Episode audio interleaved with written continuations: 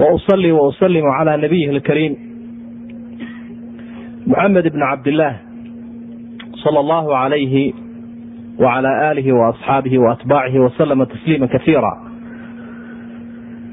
إخواني وأخواتي في الله السلام عليكم ورحمة الله وبركاته marka hore waa yar durisanahay raalli ba iniga ahaan haddii codku iga gaabto marka labaad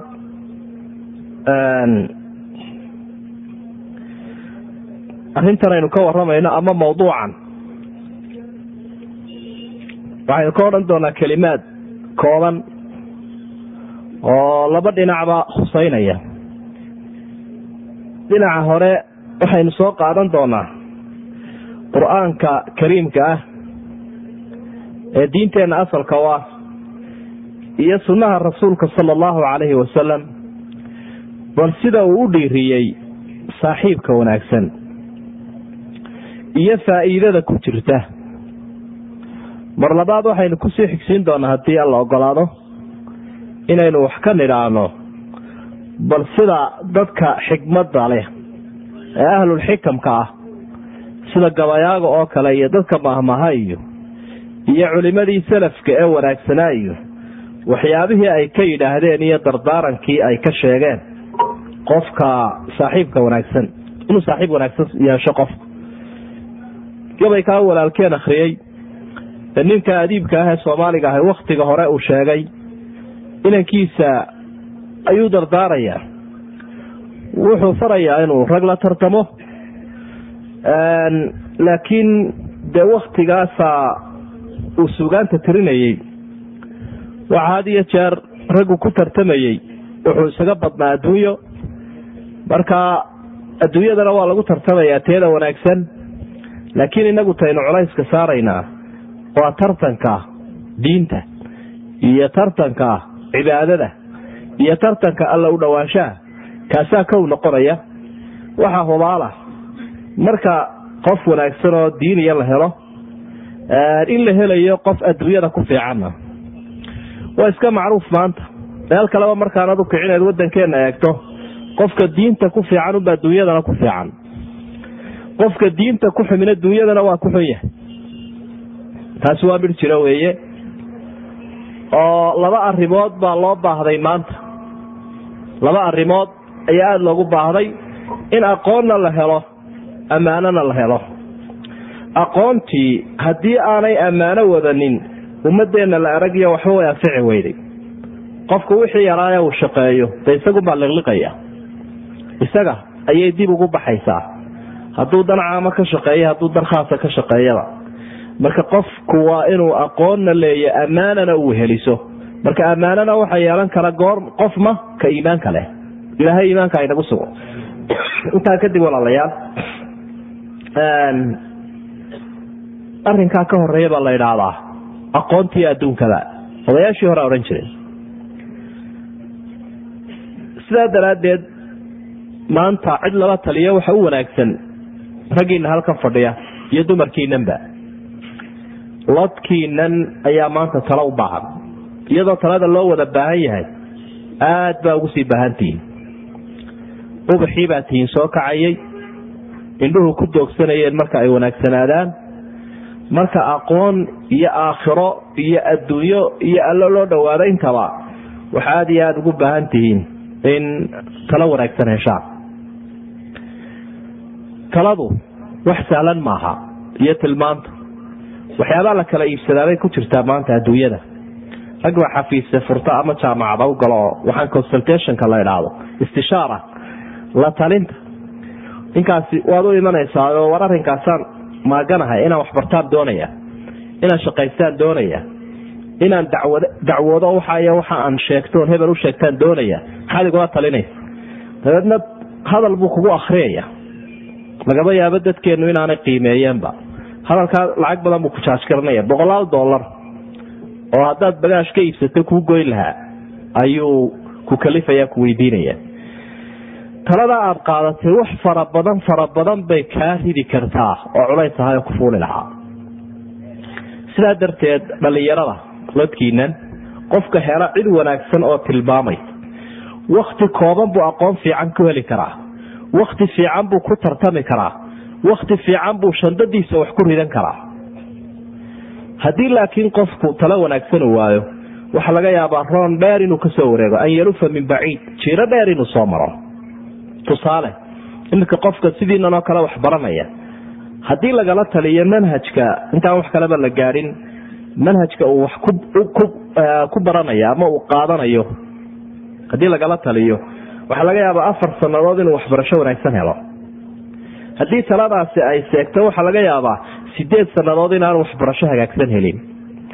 Marka qadiyada taladu muhiimadaas ay leedahay inaad fudaysataana maaha ma badna shabaabka inta aan waxu akriyay intaan arkay ee i yimaado yidhaahdo sheekh waxaa doonayaa inaan wax barto ama aan diinta barto sideebaa ugu fiican ama wadadeebaan maraya ama manhajkeebaan qaadanaya. Ma badna dhalinyaradu ka markaa kuu yimaadaana waxaad dareemaysaa inuu runtii talada uu qaato ku faa'iidayo. Intaa markaynu ka soo gudubno mawduucan waxaynu u dooranay.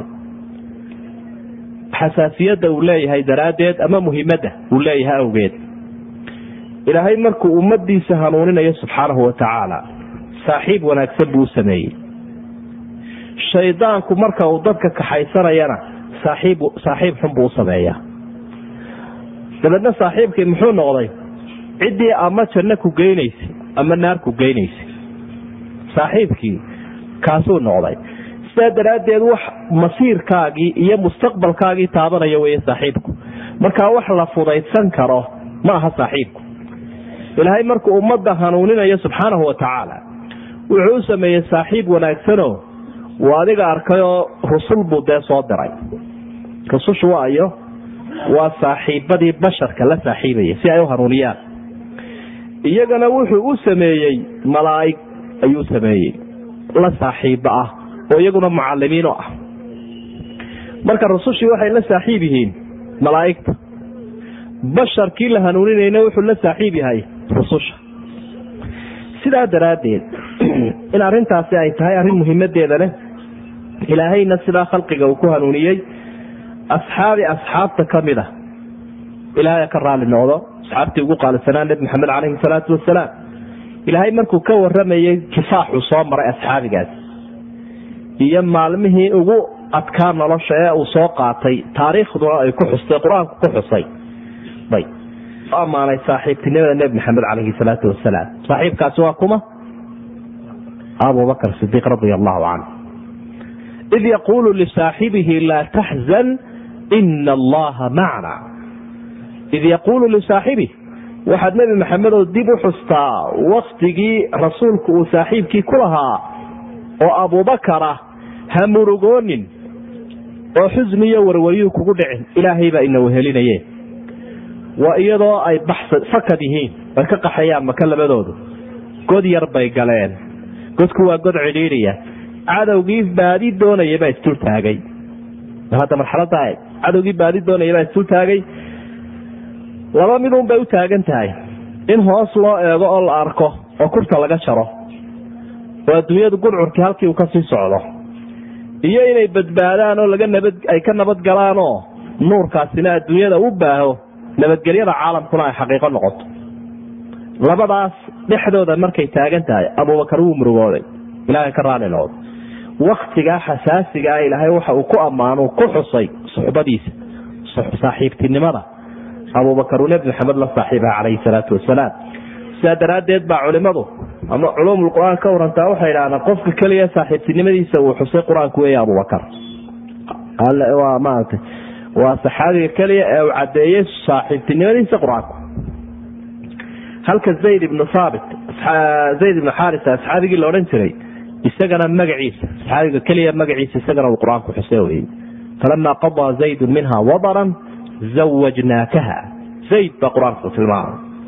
Arrintaasi inaanay wax saalan ahayn ayaad garatay. Saaxiibku maqalna waxbuu kugu siiyaa muuqaalna waxbuu kugu siiyaa. Si kale haddaynu dhigno maqalkiisana waad ku hagaagtaa muuqaalkiisana waad ku hagaagtaa sidaa awgeed baa ilaahay markuu kitaabkan soo dejinaya ama diimaha samaawigaaba dee wuu kari karaya inuu dadka quluubtooda geliyo. Oo iyagoo hurda habeenun ay soo toosaan ilaahay kitaabkiisii iyagoo wada xafidsan oo akhriyaya wuu kari karaya ilaahay laakiin sidaa ma yeelin. Waxa uu rabbi u dooray in diintaa ay ka maqlaan rasuulkii la saaxiibka noqonayay. Muuqaalna isaga ay ka qaataan oo rasuulkaasi maqalkiina uu siiyo. oo kitaabkii ay ka dhegaystaan. Sida kitaabka loo fahmayo ee waaqica nololeed looga xaqiijinayana muuqaalkiisa ay ka qaataan. Waana labada ilaahay uu inoogu mano sheegtay. Ama asxaabtii nebi maxamed labadaasaa ilaahay ugu mano sheegtay. Inay nebi maxamed oo saaxiibkooda ka heleen hanuunkii isagoo maqal ah oo ay ka heleen isagoo muuqaal ah huwa aladii bacaa fi lumiyiina rasuula minhum maxaa ku xiga? Yatlu calayhim aayaati wayuzakiihim wayucalimuhum alkitaaba walxikma. Marka kitaabkiibuu ku akriyaya kitaabkiiyo xikmadana wuu barayaa. Eg labadaba waa maqalkii weeye wayuzakiihim waa muuqaalka wixii ay kaga qaadanaya wuu tarbiyadaynaya wuu nadiifinayaada la sheegayaa. Waxa weye muuqaalkiisii bay qaadanayaan. Iyo sida loo hanuunayo iyo sida loo xajayo iyo sida loo salaadayo iyo sida akhlaaqda wanaagsan. Waa muuqaalkii marka rusushu sidoodaba waxa ay u yimaadeen saaxiibtinimada wanaagsane ilaahay addoomaha uu ku hanuuninayo jannada inay helaan. Saaxiibka wanaagsan horta miisaanka uu leeyahay. Waa kaa weeye. Ummadaha imika adduunyada jooga markay doonayaan inay hirgeliyaan badeecadooda oo ay ugu muhiimsan tahay afkaartooda iyo aragtiyahooda iyo waxa ay doonayaan falsafaday doonayaan caalamka inay ku qabsadaan. Saaxiibkaasaa loo sameeyaa. Saaxiibkaasi berigii hore wuu soo hadli jiro idaacaduhu ka hadli jiray. Oo jawlaad iyo wareeg buu ku mari jiray caalamka. Hebel baa halkaa maray oo hebel baa dalxiisoo kan u ahaayo idaacad heblaayo ka hadli jiray. Laakiin taa waxaa la arkay saameynteedii in laga badan yahay. Markaasaa waxay sameeyeen saaxiibkii oo muuqaal ah. Daedna waxaa loo samaystay bahalkaa aad arkaysa laga soo baxayo. Kaa laga soo muuqanayo t v-ga ayaa loo samaystay miyaanaad arag dhalinyaradeennu iyagoo halkan nala joogo weligoodba bad ka tallaabin boondhoofinba ayaa waxay leeyihiin saaxiibkii heesayey saaxiibkii ciyaarayey saaxiibkii filimada jilayey saaxiibkii atooraha ahaa. So intaasiba ma jiraan oo midina raama leeyahay midina lug iska jaray surwaalka midina yar faydan yahay marka waxaad arkaysaa un qofkii yaraayoon meelba teginoo haddana siloona oo si ah. Inta bidaat waa inta ay ugu talagaleen macnaa kharash aada u fara badan bay hawshani ka furatay kharash badan ayay ka furatay ninkaa soo gelaya guriga bilaa-idanba ee guriga dushiisa ka soo dhacaya. Hawada intuu ka soo dhaco halkaa soo dhex fadhiisanaya dhalinyaradii iyo dumarkii. Ee halkaa laga eegayo ee dhaqankii reer yurub xambaarsan ee dhaqankii reer galbeedka xambaarsan ee dhaqankii yuhuudda xambaarsan ee halkaa laga eeganayo. War buu bixinayaa muuqaalkiisaaba dadku ay ku taafurayaan marka halkaa waxaad ka arkaysaa ciddii u xanuuninaysay ilaahay subxaanahu watacaala saaxiibadaa wanaagsan buu sameeyey si ay dadku u hanuunaan. Ciddii shaydaanka iyo ehelkiisu ay halaynayeenna saaxiibkaasi u sameeyeen marka arinta saaxiibku arrin sahlan ma aha sidaa daraaddeed ayaa mar kale kolka adeegto saaxiibku. Yuair fi diin wa yuair fi lkhuluq wa yuair fi dunyaak wa yuair fi abiicatik wuxuu saamaynayaa diintaada oo dunyadaada oo aakhiradaada oo akhlaaqdaada. Intaba uu saamaynaya. Saa aynu iminka ka soo warramayno asxaabtii nebi maxamed ilaahay ka raali noqdo waxay tilmaameen nebiga iyagoo la hadlaya intaanu saaxiiba kula fadhina bay yidhaahdeen dareenka yaga iyo khushuucda yadu waa xaalad gaara mar alla markaanu saaxiibada kale ee dumarka iyo carruurta u tagnana xaaladda iyada waa mid gaara haddaba asxaabtii nebiga waxay ka cabanayaan inta yara xaafadaha ku maqanyiin intii yarayna islaantii iyo dumarkii la joogaan iyo ciyaalkii ayay yidhaahdeen intaasaa wax badan inaga go'aya. Oo jawiga iyagu intaanu kula joognana waa si. Dad khushuucsanoo malaa'igta la wehelahoo aad caddaa marayaan. Mar alla markaanu kaa tagna caafasna alaswaaja waalawlaad dumarkii iyo caruurtii baanu la dhaqmaynaa qalbi madoobaad baa nagu dhacaya bay leeyihiin asxaabtu waa siay ku cabanayaan. Waa labada xaaladooda isku dhow. Maxaad u malaynaysaa ka noloshaada aad la qaadanaysaba? Nabigu calayhi salaatu wasalaam isagoo saaxiibku saamaynta uu leeyahy ka waramaya waxau ihi almaru calaa diini khaliili falyandur axadukum man yukhaalilu war qofku wuxuu haystaa diinta saaxiibkii. Ee diinta saaxiibkiibuu haystaa qof walooba kaad la saaxiibaysa ka fiirso. Hadduu kiristaya tiisaasaad raacaysa hadduu yahuudiya tiisaasaad raacaysa hadduu qof muslima yahay hadduu qof cibaadaysanaya yahay hadduu qof caasiya yahay. Waa laga yaabaa qofku muddo inuu isyarhayo isyarhayo isyarhayo laakiin si yar yar unu u sii ciro u sii socdo. Sidaa daraaddeed ayaynu mawduucan u dooranay waana dareemi karaysaa qofka wanaagsan markaad la saaxiibtay waxaa kaaga kordhay iyo qofka xun markaad la saaxiibtay wixii kaaga kordhay labadaba. Waxaa xusud mudan walaalayaal si aynu horeba u sii xusnay. Nebigu calayhi salaatu wasalaam waxa uu tilmaamaya isagoo ummadiisa la hadlaya qofku marka uu saaxiib noqonayo saaxiib samaysanayo. Waxa uu leeyahy walaa tusaaxib ilaa mu'mina walaa ya'kul طacaamaka ila taqiyun. Waa kee bay ka jawaabaya xadiidkaasi? Saaxiibkeenu dhiirinayna waa kee? Nabigu uu fasiraya wuxuu leeya walaa tusaaxib ilaa mu'minan walaa ya'kul طacaamaka ila taqiyun. Hala saaxiibin qof mumina mooye qof kale. Ila kil kale madoobaad baad ka qaadaysaa buxulda maslageliyaad noqonaysa xataa raashinkaaga ha cuna buu leeya nabigu saaxiibka wanaagsani ilan enerjiga iyo tamarta uu ka helayo wuxuu isticmaalayaa dhinaca khayrka leh halka kan kale uu isticmaali lahaa xagga sharka. Saaxiibka wanaagsan waxa weeyaan ka shan arimood ka faa'idaystay shan arrimood ka ka faa'idaystay wey saaxiibka wanaagsani shan fursadood oo uu haysto qofka ka faa'iidaysanaya wey waaya shantaa arrimood maanta dhallinyaradiinani wax badan oo ka mida waa haysataan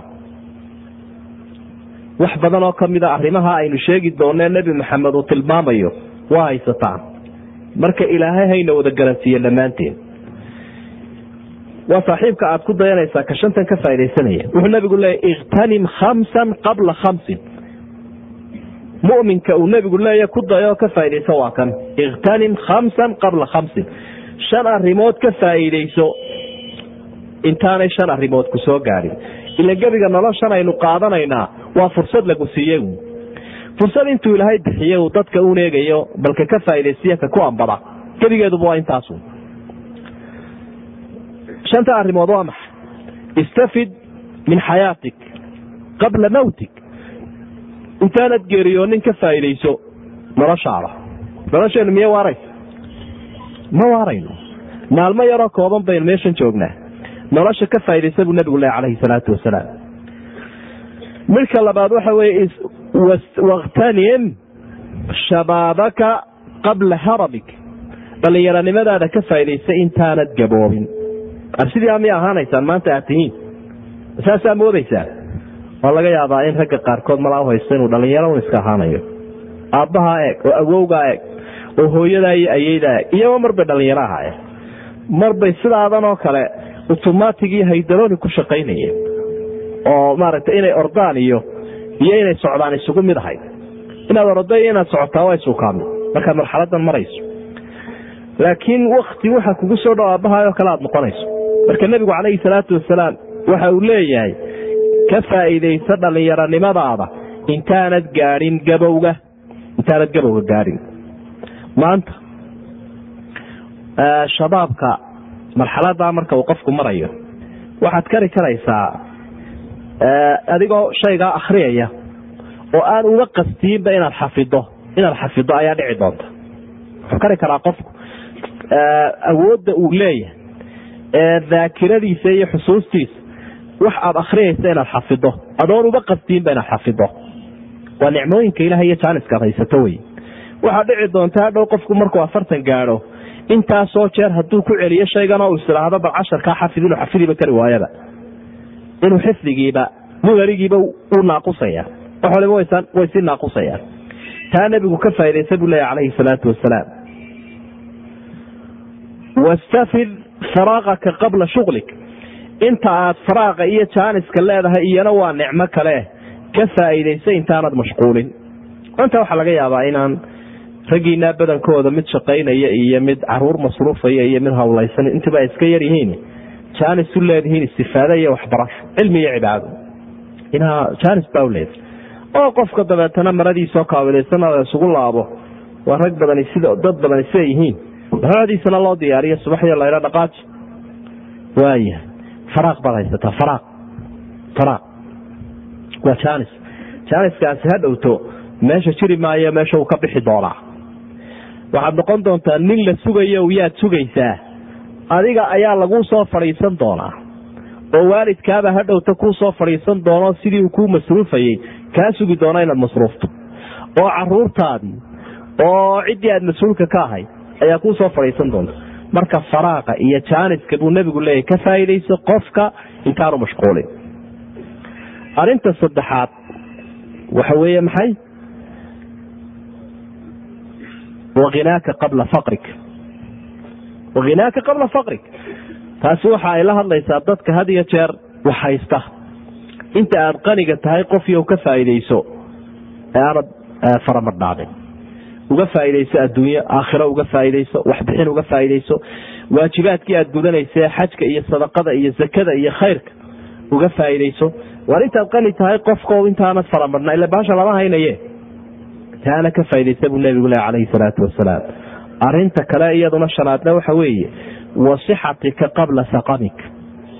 Inta aad caafimaad qabto ee aanad bukoonin ka faaidayso aanad bukoonin nicmataani maqbuunun fiihima kaiiru min annaas asixatu walfaraaq nabigu wuxuu leeya calayhi salaatu wasalaam laba nicmo.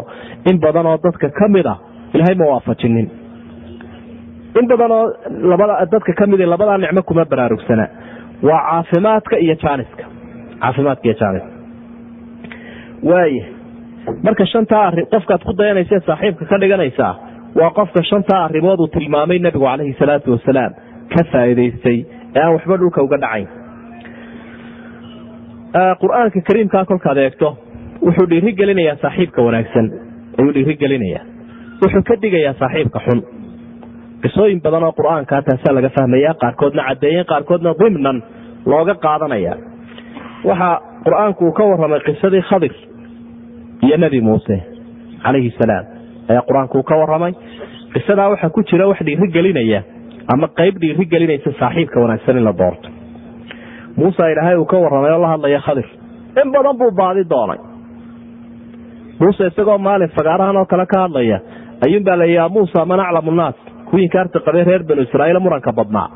Ayaa su'aashaa weydiiya waxay dhn dadka yaa cilmi badan. Dee isaguna rasuulkii ilaahay buu ahaayo ciduu dadka ku sii riixa ma garanaynin aniga unbuu yidhi. Anigadii baa laga raacay markaasaa ilaahay ui adigu uguma cilmi badnida adoon majmaculbaxrayn meesha laydhaa joogaa kaa cilmi badane. Saa ogow dabeedna markaasuu yii ilahay kaa saaxiibtinimadiisaan codsanaya. Ilaahay saaxiibtinimada ninkaa wanaagsan. Safar buu galay dheer oo weliba aan ku sahlanayn. Ninkii la socday markuu la hadlaya wuxuu leeya laqad laqiinaa min safarina haada nasaba. Tacab iyo hawl badan ayaynu kala kulanay safarkan. Tacab badan waa saaxiibkaasuu baadi doonaya. Saaxiib fiican sidii u heli lahaa ayaa safar dheer buu u galay. Intuu saai qaatay oo weliba la rafaaday oo la ambaday markaasuu nebigaasi cawday. Rasuul ilaahayo dee nin adagaba cabanaya. Markii uu ninkii soo gaadhay khadir ayaa wuxuu leey qaala lahu muusa hal attabicuka calaa an tucallimanii mima cullimta rushda? Usluub alcard walliin buu wax ku weydiinaya. Hab dabacsan oo codsi ah. Sidii soomaalida mu odhanin waraan raaco. Iskama odhanin waan ku raacaya. Sidaa mu odhanin laakiin wuxuu leeya ma ku raacaa si aad ii barto hanuunka wanaagsan ee ilaahay uu ku siiyey. Saaxiibtinimadaadaan muddo dheer baadi doonaya wey maantaan ku soo gaadhay haddaba waxaan kaa codsanayaa inaan saaxiib kaa dhigtaan ku raaco. Almuhim qisada qur'aankaad ka akriyaysaa waxa qur'aanku uu ka waramay dee in wax badan uu ka faaidaysto saaxiibtinimadiisa.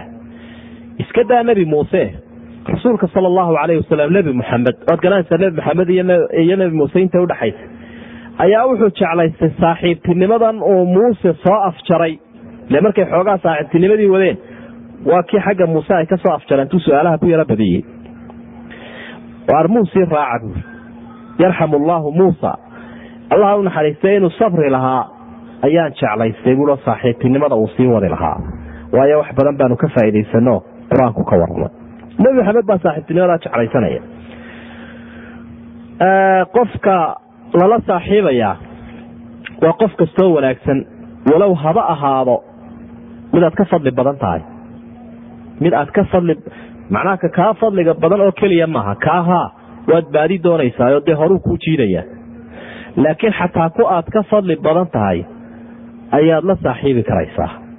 Isaguna wuu ku weheshanayaa adiguna waad weheshanaysa qur'aanka qisadaasaynu ku haynaa oo saaxiibka wanaagsan dhiiri gelinaysa. Ila inagu tusaalayaasheenna dhaxalkeenna weyn baynu ka soo qaadanaynaa oo qur'aanka kariimka ah. Ilaahay baa waxa uu ka waramay niman asxaabtii nebi maxamed ka mida calayhi salaatu wasalaam oo gaaladu ay doonayeen inay isaga iyo nbiga iyagiyo nebiga kala dhex galaan. Markaasa waxay dhahen dadkii ducafadii iyo addoomihii iyo dadkii masaakiinta baad maxamed oo ag fadhfadhidaaye dee annaguna intaad dadkaa ag joogto madaxdii iyo acyaantii baanu nahaye ku idan kari mayne. Bal horta kuwaana wakti u samee. Annagana wakti noo samee. Waxaanu codsan lahayn bay idhaahdeen inaad kala wakti naga dhigto. Ilaahay baa diiday taasoo wuxuu uhi wasbir nafsak maca aladiina yadcuuna rabbahum bilkadaati waalcashiy yuriiduuna wajha walaa tacdu caynaaka canhum turiidu ziinata alxayaati dunya. Wasbir nafsak. Naftaada ku xeji oo la joog kuwa ilaahay caabudaya gelinka hore iyo gelinka dambe. Waa rasuulkii ilaahay. Ee iyaguba ay higsanayeen ee ay jeclaysanayeen iyaga oo maftuuliinahoo laga fadli badan yahay isaguna faadilkii uu yahay fadliga badnaa ayaa uu leeyay la saaxiib oo ha ka tegin oo la joog. Waxa lagu qiimeeyena maaha inay xoolo badan yihiin maaha inay xoog weyn maaha inay madax yihiin maaha inay waxaan kuwana sheegayaan tahay. Laakin yuriiduuna yadcuuna rabbahum bilkadaati waalcashiy ilaahay bay caabudayeen gelinka hore iyo gelinka dambe qiimaynta waa taa. Ninka ilaahay ku xidhan adna ku sii xidhnow ha ka durkinkaa waa kii nebigu odhanaya calayhi salaatu wasalaam. Ilaahay baa mahadleh asxaabtayda ka dhigay qayb uu ifaray inaan la joogo oo aan la saaxiibo la fadhiyo. Ilaahay baa mahadle kol haddii asxaabtaydiiba ay ka yihiin iyo saaxiibaday rag ilaahay uu ifaray inaan iyaga ka ag dhowaado marka arintaas waxay tusinaysaa qofka wanaagiisu nin loo eegayo qur'aanku sidaa u dhiirigeliye saaxiibka wanaagsan ayuu uga digay saaxiibka xunna. Saaxiibka xun. Oo dee ibliisku uu ka dambeeyuu soo riixayo ama ka dhex hadlayaba soomaad baqal waa laga dhex hadlaya iyo waa laga dambeeya iyo hebel hebel baa ku dhex jira. Xaqiiqatan ficilka alihi waa ibliis weeye. Allaciin. Ilaahay baa wuxuu kaga waramay suuratlkahfi lafteeda suuraddan iminka aynu aayaadka hore ka soo warramaynay. Laba nin oo saaxiib ahaayo midi wuxuu leeyahay beero. Beerihiisaasu kolba dhan u eegaya yaro dhex marmaraya qaybta biyaha iyo qaybta midhaha iyo waxaasu daadaawanaya. Ka kalena waaba nin iska faramaran laakiin waxay ku kala duwan yihiin. Midi kayd buu haystaa weyn oo iimaana. Midina kayb yaro kooban oo adduunye ah oo beeraha iyo wixii la mid ah ayuu haystaa. Marka kii kaydkan adduunyada haystay baa faanaya. Kan iimaankiisan iyo aakhiradan uu rumeeyey waxaasuu ku eedaynaya qisadaasina waxa ay ka mid tahay waa laba nin oo midina uu ku hanuuninayo iimaanku leey war ilaahay u soo badkeen ka kalena uu xoog iyo xoolo ayuu ku faanay. Wa kaana lahu hamarun faqaala lisaaxibihi wahuwa yuxaawiru ana akharu minka maala wa acazu nasra qaala lahu saaxibuhu wahuwa yuxaawiru akafarta biladii khalaqaka min turaab uma min nudfa uma sawaaka rajula ninkaa isaga ah ee adduunyada lihi saaxiib ereygaasu cabiraya qur'aanku.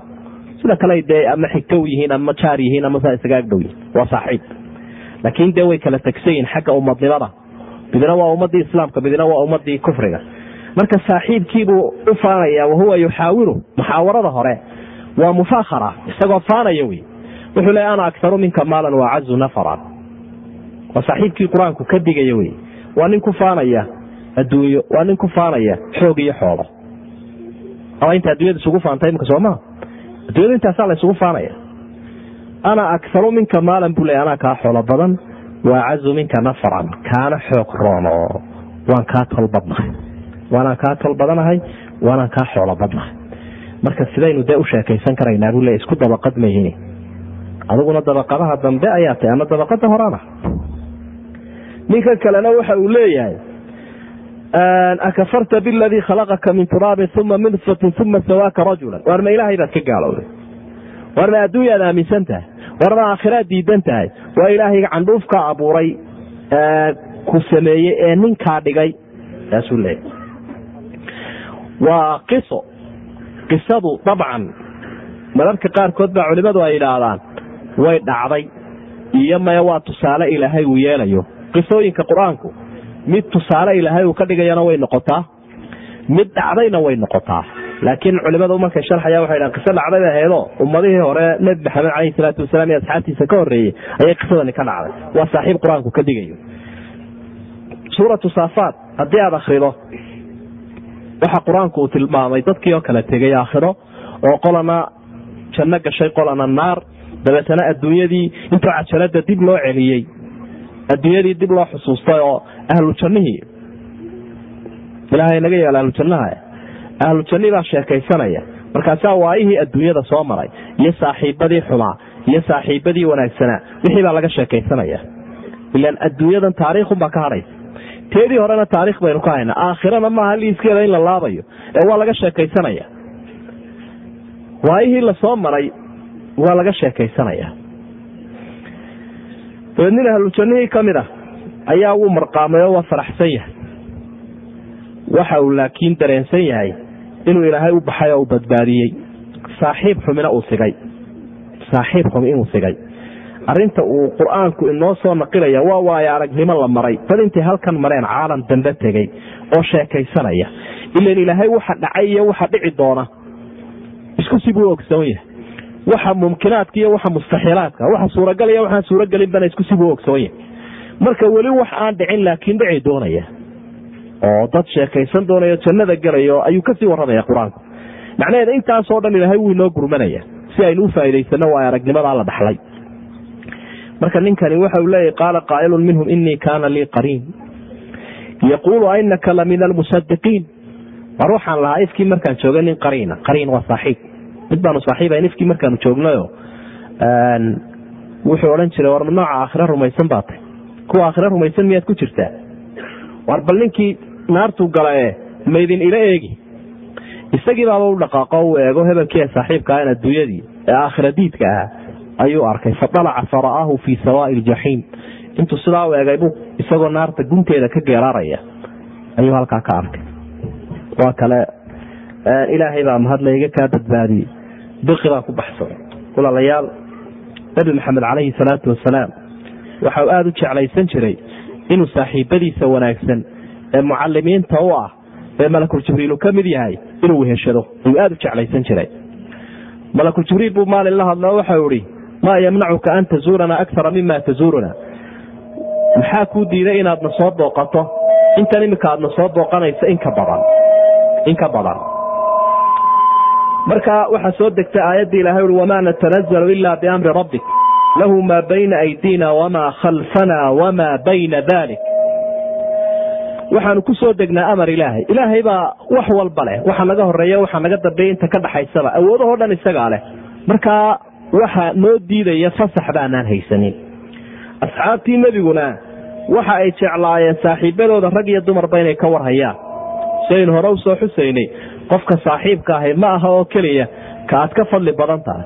Laakiin waxaad la saaxiibaysaa oo aad jiidaysaa oo adiga kugu dayanaya ka kaa fadli badan ka aad ka fadli badan tahay. Abubakar iyo cumar baa dhaqaaqaya. Maalin maalmaha ka mida waa madaxweynihii iyo madaxweyne ku-xigeenkii ummadda islaamka. Ruux dumar ah oo ka mid a asxaabtii nebiga ayay u tegayaan. Abalina mari bay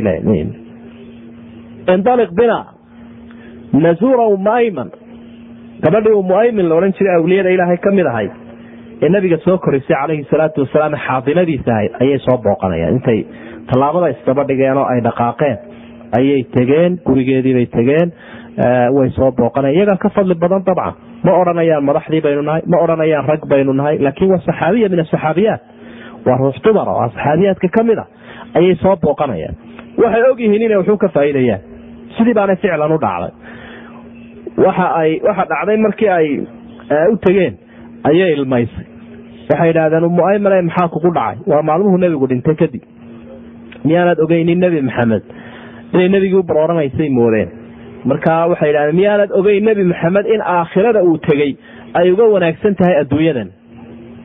Walalaakhiratu khayrun laka min aluula aakhira kaaga wanaagsan tan baa ilahay ui miyaanad taa ogeyn? Maya taa kama xumiye waan ogahay inuu nebi maxamed aakhire u wanaagsan tahaye waxa aan ka xumahay bay tihi waxyigii inoo soo degi jiray intuu nebigu noolaa ayaa go'ay. Marka koru socod baynu kaga jirnay xagga diinta. Aqoon kororsi baynu ku jirnay iyo cilmi iyo waxibaa inoo soo degaya dee maanta wax dambe waxyahoo soo degaya ma jiro. Bal hadda qofkaa ufuqeeda iyo halka ay ka fikirayso halkay ka fikiraysa marka fahayajatumaa bilbukaa iyaga laftigoodiiba wahin ku kicisay oo iyaguna la ilbeeyey. Walaalayaal siyaarada ama qofka saaxiibkaaga wanaagsana booqashadiisa iyo kudayashadiisa iyo higsashadiisa. Intaba waxa lagu helaa waxa ugu wanaagsan wax la helo. Ifkan markaynu joogno waxa ugu wanaagsanaynu baadi doonaynaa waxa wey inaynu ilaahay raali gelino ilaahayna uu inaga raali noqdo jannada ina geliyo. Soo saas maaha taasaynu baadi doonayna asxaabtii nabiguna darajada ay gaadheen taasaa ilahay uu ku ammaanay radia allaahu canhum waraduu canhu ulaaika xizb llahi alaa ina xizb allahi hum lmuflixuun ilaahay baa ka raali noqday. Darajada ay baasgareeyeen ugu saraysa taasuu ilahay ka dhigay. Marka waxa uu tilmaamayaa xadiis saxiixa ayaa wuxuu leeyahay malag nin baa wuxuu soo booqanaya saaxiibkiioo magaalo kala jooga. Ilaahay jidkiibuu u dhigay malag. Malagii uu la hadlayo qofku isu egeysiye wuxuu hi xaggaad ku socotaa hebel oo maxaad ka doonaysaa ama qaraaba ama waxbu gacan buu kugu lahaa maya. Ilaahay daraaddii baan u jeclaaday u saaxiibnay markaa saasun baan ku soo booqanaya. Sidiibaa dabeedna malagii ugu jawaabay malagiina wuxuu i ilaahay uu ku jeclaaday jacaylkaad isaga daraaddii u jecesha saaxiibtinimadu kol hadday tahay mid ilaahay daraadiya mid diina mid wanaaga ilaahayna waa kugu jeclaaday macnaa halkaa waxaad ka arkaysaa in runtii darajo la gaaro tii ugu wanaagsanayd buu ku helayaa qofku nin reer miyiya ayaa rasuulka u yimid sala allahu calayhi wasalam waxa uu leeyahay nebi maxamedow mata saaca qiyaamadii waa goorma oo maxaad u diyaarsatay buu nebigu ui calayhi salaatu wasalaam. Wallaahi uma diyaarsan buu ihi soom badan iyo salaad iyo sadaqaye. Ilaahay iyo jecela nebigu wuxuu ugu soo gaabiyey almaru maca man axaba qofku cidda uu jecel yahay buu ka agdhow yahay la saaxiib yahay. Marka halkaa waxaynu ka arkaynaa xataa camal badan oo qofku uu qaban lahaa saaxiibka wanaagsane uu ku daydabaa ka furanayaba saaxiibkii wanaagsanaa ee uu ku dayday ayaa ka furanaya waaya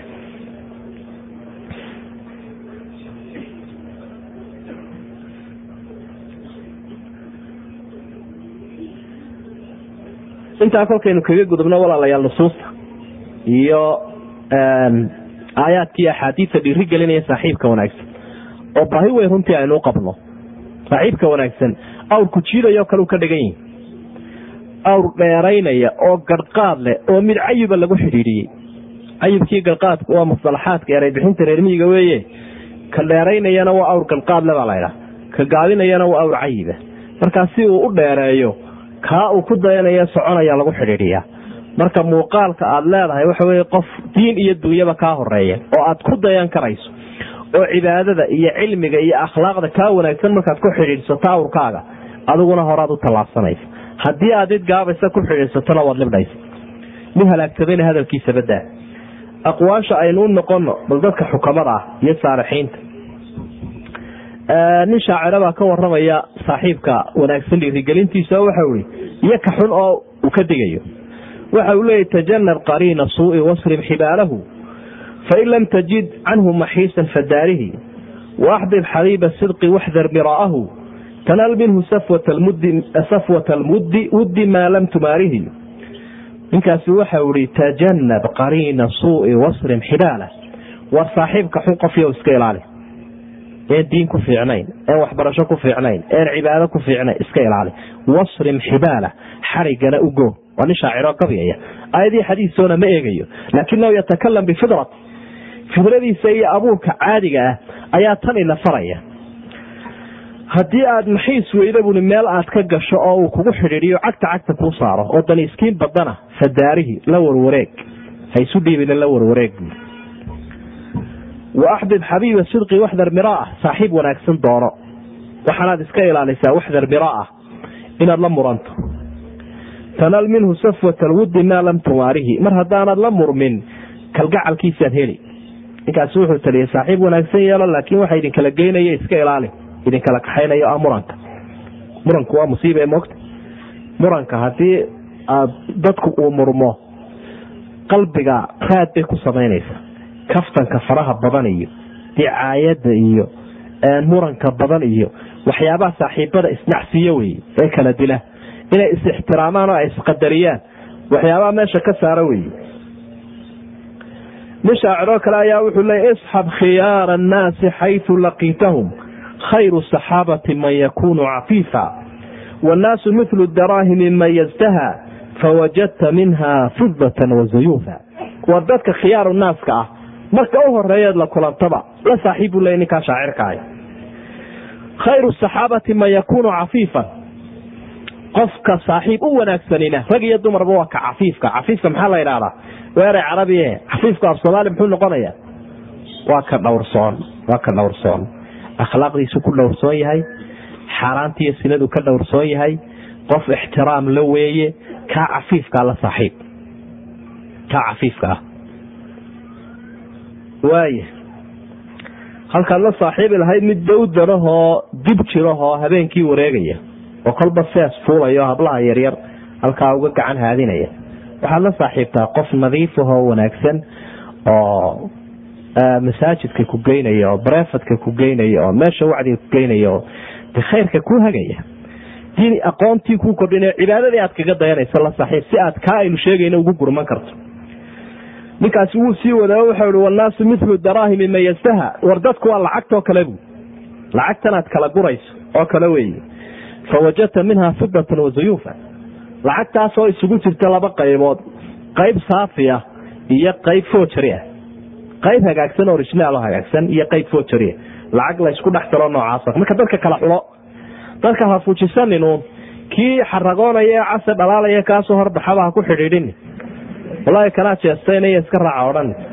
Waad waalan doontaa laakiin waxa aad u eegtaa bui dadku waa sidaa asalka iyo foojariga waa kala doora buu leeya kala xulo dadka nabiguna calayhi salaatu wasalaam annaasu macaadin ka macaadin dahabi walfida xadiidkii saxiixa wuxuu ihi dadku waa macdantoo kale bui macdanta. Macdanta marka la baado meelna ciriq wanaagsan baa la helaa oo loo aayo meelna ciriqeedu wuu xun yahay. Macnaha qofna waa qof gob ah qofna waa qof gun a weye marka sidaa loo eego foorjarigiisa iyo dadka ilaahay baa wada abuura laakiin ma fidna sida dhulkaasi u kala duwan yahay. Malik ibnu dinaar imaamkii caalimkii weynaa ayaa waxa uu leeyahay inaka an tanqula alaxjaara maca alabraar khayrun laka min an taakula alkhabiisa maca alfujaar. Wallaahi inaad dadka abraarta ah ee wanaagsan la saaxiibto dhagaxaanta la gurto ood kuulila noqoto oo aada la rafaado taasi waxay ka wanaagsan tahay dadka fujaarta ah ee faajiriinta faajir waa qof alla ka fogaaday inaad casuumada la gasho oo aad wax la cunto oo aad la raaxaysato ood la dalxiirto maal inaad kuulila noqoto nin wanaagsan baa iga khayroon buy waayo kan jirkaa laga yaabaa inuu wax ka helo wax ka yaro cuncuno laakiin kan ruuxdii baa wax ka cunaysa. Marka inay ruuxda wax cuntaabaa kaaga khayr badan inuu jirku naaxo isagoo bilaa ruuxa ruuxdiisu ay baktiday farqigaas markaa wuxuu tiriyey imaam malik ibnu dinaar. Wuxuu tiriyey beyt shaacir ama beyt isaguba leeya waxau ihi wasaaxib khiyaara annaasi tanju musallaman wasaaxib shiraara annaasi yowman fatandama waxaad la saaxiibtaa dadka kuwooda wanaagsan si aad u nabad gasho. Waxaad la saaxiibtaa dadka kuwooda sharka badan si aad u halaagsanto. Haddaad hanuun doonayso iyo horumarna saaxiib muslimo hagaysan samaysa buui haddaad halaag doonaysana saaxiib shar badan u samayso. Adaa halaag iyo hanuunkaba saaxiibka ku kala dooranaya buu leeyahy had iyo jeer marka la eegayo qofkan iyo miisaankiisa sida sharciguba yahay dadkuna sidaasunbay isu weydiiyaan waxaa la yidhaahdaa qofka had iyo jeer marka la doonayo in la ogaado inuu yahay qof xun iyo qof wanaagsan. Waar horta yay raacaan horta hebel yay saaxiib yihiin baa laydhaha horta hebel yay isku cindayin in shaaciraad taa ka gabiya waxau le laa tasal can ilmari wasal can qariinihi fa ina alqariina bilqariini yaqtadii qofka waxba isaga horeysana saaxiibadiisa eeg. Waa in saaxiibku ku daydaa hadduu qofkan oo dee aada isu wanaajinayo isagu markuu kaasoo horbaxo fiican aad arkayso laakiin dadka uu ku xidhan yahay in dad shar badan. Waxa uu kuu sheegaya iyo xaqiiqadiisu way kala duwan yihiin waayo hadduu wanaagsan yahay kaa xun kumuu xidhnaadeen marka qadiyadda mistaaqiyadda iyo maahiyadda qofka macnaa shaksiyadiisa marka qofka la akriyayo waxaa laga eegayaabaa lagu leeyahy saaxiibkiisaa laga eegaya waa kaa nabigule calayhi salaatu wasalaam qofku wuxuu haystaa diinta saaxiibkiisa. Walaalayaal markaynu caynkaa ka hadlayno. Malihin wax alla wixii xun oo dhan dadka laga cararo. Laakiin haddii adigu aada awood u leedahay dadka dadka masal kaa hooseeya aqoon iyo cibaado iyo diin iyo akhlaaq kaa hooseeya. Intood la saaxiibtay inaad soo jiidi karayso oo aada u socoto inaad badbaadiso. Waa sax weeye. Wuu ka hadlayaa nabigu wuxuu le laan yahdiya allahu bika rajulan waaxida khayrun laka min xumri nacam. Inuu ilaahay ku hanuuniyo sababtaada qof keliya. Rag iyo dumar mid kasta aha oo inaad qof keliya soo hanuuniso ayaa kaaga khayr badan geela cascas nabigu leh calayhi salaatu wasalaam. Waxaa la doonayaa haddaad qof la saaxiibayso liita inaad ula saaxiibto inaad badbaadiso oo aad balaayadu ku jiro ka saarto oo aad u gurmato siduu nebigu ahaa calayhi salaatu wasalaam. Nebigu markuu la fadhiisanayo gaalada iyo munaafiqiinta iyo uu la joogayo dee ma ahayn inuu ka dhegaysanayo ama ay ku akhriyayaan waxooda laakiin iyagu badbaadinayo marka haddaad la saaxiibayso qofkaa liita waa inaad u gurmanayso. Waa inaad anteenadu kuu taagan tahay. Oo aad ka feejigan tahay. Oo aanaad isilaaweyn ila haddii kale aduu ku kaxaysanaya marka cumuuman mawduucan aynu ka waramayno maanta baahi weyn baynu u qabnaa. Dhallinyaradiina waktigan joogta. Cidda aa ku dayanaysaan. Rag iyo dumarba ha noqdo. Ilaahay agtiisa iyo ummadda agteedaba qof aad sharaf ka helaysaan ha noqdo qof aad sharaf ka helaysaan qofkuna sidiisaba marxaladaa aad maraysaan kolka uu joogu kala baxaa. Rag iyo dumarba markaasuu qof kala baxaya. Sideed iyo toban jir. Maxaanku idhaahdaa labaatan jir? Marxaladaa qofku markuu marayo waa kala baxaya. Inuu yahay qof lagu talageli karo iyo inuu yahay qof laga quusanayo. Halkaas waa muftaraqu ariiq bartaasuu kala baxaya sidaa daraaddeed baa rasuulku sala allahu calayhi wasalam asxaabtiisu heerkaa marka ay taagan yihiin. Waxa uu ula dhaqmayay dadka waaweyne konton jirka iyo lixdan jirka iyo siday ahaayeen. Siday yihiin unbuu ula dhaqmi jiray markaasaa asxaabigii yaraaye la odhanayay usaamat bnu zayd colkii u duulayay ee weerarayay ruum nimankii dagaalka yaqaanee reer ruum reer yurub ayuu u dhiibay ui hogaami iyadoo joogaan khaalid ibnu waliid iyo abubakar iyo cumar iyo cali iyo raggii waaweynaa iyadoo joogaan nin sideed iyo toban jir ah ayuu u dhiibay oo saaxiibkii uu dhalay zayd ibnu xaarisa oo isaguna isaga la saaxiiba. Ya adiguna sideed iyo toban jirkii haddii dee hooyadaa galabtii ay ku daydaydo ka war.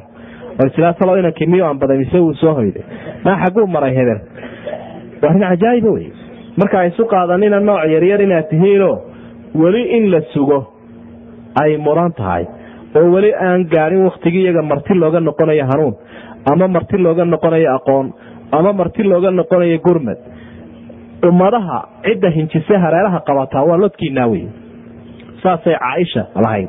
Ilaaha ka raali noqdo. Waxay aragtay iyadoo nebi maxamed markii maka laga soo eriyey ee qamaamuurtii iyo kuwii madaxdii qurayshe tolkii aha ay soo eriyeen niman dhalinyaro ah ayaa la galay heshiiskii hore iyo heshiiskii labaadba. Nebi maxamed caleyhi salaatu wasalaam oo madiine ku soo dhoweeyey daarulhijra kuwa ilaahay u ammaanu leeyay waladiina tabawau daara waliimaana min qablihim yuxibuuna man haajara ilayhim. Ila akhiri aaya kuwa ilaahay u ammaanayo markaasa waxay leedaha wallaahi ansaar oo reer madiine ah layntii ilaahay uu ka laayay odayaashii ee dagaaladii qabyaalada ay ku dhinteen wallahi danbay u ahayd. Dhallinyaradaa u soo hadhaybaa islaamka u soo jiiday. Waxay ammaanaysa ay dareemaysaa shabaabka iyo dhalinyaronimadu siday u soo dhoweeyeen nebi maxamed caleyhi salaatu wasalaam. Siday dowladii islaamka udubada ugu taageen ee cagaha ugu dhigeen iyadoo odayaashii makane ay soo eriyeen. Marka waxay leedahay odayaashii mar haduu ilaahay odayaashii laynta ilaahay uu ka laayay madiine ee dhalinyaro u reeb wallahi waa mahad iyo khayr. Askarta maraykanka dee caalamulislaami maanta ku duulaysa bal waxaad eegtaa had iyo jeer wafayaadkooda inta laga dilay marka ay dhinteen bal waxaad akridaa agekooda akri fulaan sideed iyo toban. Nooc yaraa filimada laga soo ururiyey. Noocan diyaaradaha kicinaya kuwan wax duqeynaya iyo kuwan badda taagani. Kaasi labiyo labaatan jir bu kaasi labaatan jir bu kaasi sideed iyo toban jir buha waxaas ayay u badan yihiin marka cumuuman shabaabkiinan rag iyo dumarba waa ummadeenu marxalad adag bay maraysaa. Marxalad adag ayay maraysaa. Dhalinyaradii haddii aanay helin cid wanaagsan oo ay ku daydaan aanu qofku helin waxaa laga yaabaa inuu majara habaabo dadkanna waxaynu odhan karnaa ama dalkanba waxaa haysa abaar dad unbaa haysa ee abaar duuye ma hayso.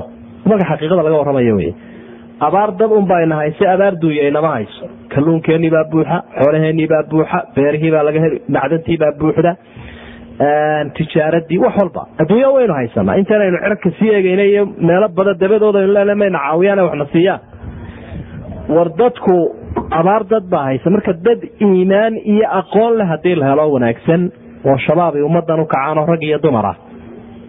Intii hore wax baratay siloon bay u badatae haddii la helo oo ummadan u gurmataan way hagaagaysa. Haddii laakiin tidhaahdaan kaa b h d da sita ama masterkee fulan binu fulan saasuu u dhaqmay oo saasuu u cunay oo saasuu u socday oo saasuu u tallaabsaday adiguna u tallaabso. Dee sharkii ummadda kala degaad adna kala degaysa. Marka waxaa loo baahan yahay in fikirkiina uu sareeyo waxaa loo baahan yahay diinta ilaahay iyo dalka iyo dadkaba cidda u gurmanaysa in aa idinku kow ka noqotaan taa diyaar mawtihiin dhallinyaradiinani allaha inoo wada sahlo. Waa qolada khuruujka odhan jiray khuruujkii diyaar mawtihiin inagu badbaadadaha inaynu nafteenna badbaadino dabeedna dadkeena aynu badbaadino iyo diinteenna. Taa inaynu u diyaargaroonaa baynu isku waalinaynaa. Qofbana qofka ka wanaagsan uu ku sii daydo qofbana qofka ka dambeeya uu soo jiido sidaasaa waxaynu tabayna adduun iyo aakhiraba aynu ku heli karaynaa aada iyo aad ba umahadsantihiin kelmadaa koodana waana guudunba iska hayde asalaamu calaykum waraxmat ullahi wabarakaatu wacalaykum asalaam waraxmat ullaahi wabarakaatu jasaahu llahu khayran sheekheena ilaahay ka abaalmariyo. Kelmadaasi runtii aadka iyo aadka u muhiimka ah. Ee uu markaasi inoo soo diyaariyey kolley waxaanu yar codsanayna insha allah in la yar sabro inta barnaamijku gebagaboonayo insha allahu tacaala. Sheekhu isagoo casharna waa gelaya o kolley isaga waa u fududayn doonaa insha allah laakiin waxaa inoo hadhayba shan daqiiqa kama badna insha allah walaalayaal inta aanan u gudbin shaacirka runtii isaguna kaga qayb qaadanaya suugaanta goobtan iyada ah. Bal waxaan yar ogeysiin lahaa maamulka dugsigan oo sheegay in waxbarasho tabaruca oo laba galaasa in la furaayo. Galaas bacda maqribka oo dadka waaweyn gaar ahaan ragga ah in insha allahu tacaala waxbarasho qur'aan ugu horeeyo loo bilaabayo iyo higaad iyo runtii bayskaa hoose. Labadana insha allah galaas dumara in insha allahu tacaala loogu tabarucayo waxbarasho. Insha allahu tacaala waa laga faa'iidaysan doonaa labadaasi galaas insha allah maamulka maxadku diyaariyey macalimiintana uu diyaarinaya insha allah waxaan ku soo dhaweynayaa insha allahu tacaala iyadoo aan sheekh hadalkiisii tacliiq badan ayna saaraynin oo aynu ku duuduubayno baaraka allah fiikum aan ka faa'iidaysano nuqdadaasi uu sheekhu inagu baraarujiyey ee ah saaxiibka wanaagsan in la doorto. Taas baa runtii aynu ku badbaadaynaa wixii uu akriyaya sheekhu nusuus iyo xikmadna inaynu dhugano ayaa muhima taasi insha allahu tacaala waa muhiim inaynan ka fogaan culimada ee aan ku xidhnaano inu talo weydiinana waa muhiim weeye. Aan ku soo dhoweeyo shaacirka axmed nuur salebaan axmed nuur saleebaan rooble insha allahu tacala inuu kelimaad isaguna bal dardaaranayna yidhaa kolley waxaa lala dardaarmaya waxa weeyaan dadkan dhalinyarada u badan iyo waayeelkaba insha allahu tacala fali tafadal mashkuura. Assalaamu calaykum waraxmat ullaahi wabarakaatu لا إله إلا الله وحده لا شريك له له الملك وله الحمد وهو على كل شيء قدير. gabaygan dhalinyaradu la hadlaya ha dhaawicina diintii dhalinyaray wax kala garo dhaqankii ha luminina ha dhaawicina diintana ka dheeraada gaalnimo beenta ha u dhowaanina dhalanteedka soo baxay dhiishashkiiyo aflaamaha qalbigiina dhaawacay dhaxaltooyamaahee dhegihiin iyay gelin dhafoorada la xiraayo iyo afka nikalka laga dhigay. Dhajisaan waxqarin iyo ku dhegaya cawrada. Baybalkaa dhigaaye ha u dhega nuglaanina idinkoo wax dhigan kara idinkoo wax dhali kara idinkoo wax dhaqan kara dhabadeynii toosay dhayal ha u ilaawina. Gabaygankana waxaa laydhahaa diinta raalli koohow dantu waa rasmiga gaadh rasuulkii mudnaa iyo sala allahu calayhi wasalam raadkii ambiyadiyo diinta raalli koohow runtu waa ma dhaafaan cilmi waa rabbiga garo raganima waxay tahay rabbigaa ka amar qaado wuxuu reebay wadadiid tuu ku farayna raacdee adduunyadii ma sii raagto raaxa jannada weeye ruux jira haddaad tahay riyo beena hawlumi risiqana allaa bixiye ha ka raadin meel kale maanta dadku risiqa meel kale ka raadinay risqu diinta ku jira oad fahanto oo aad khayrka ka shaqayso assalaamu calaykum waraxmat ullaahi wabarakatu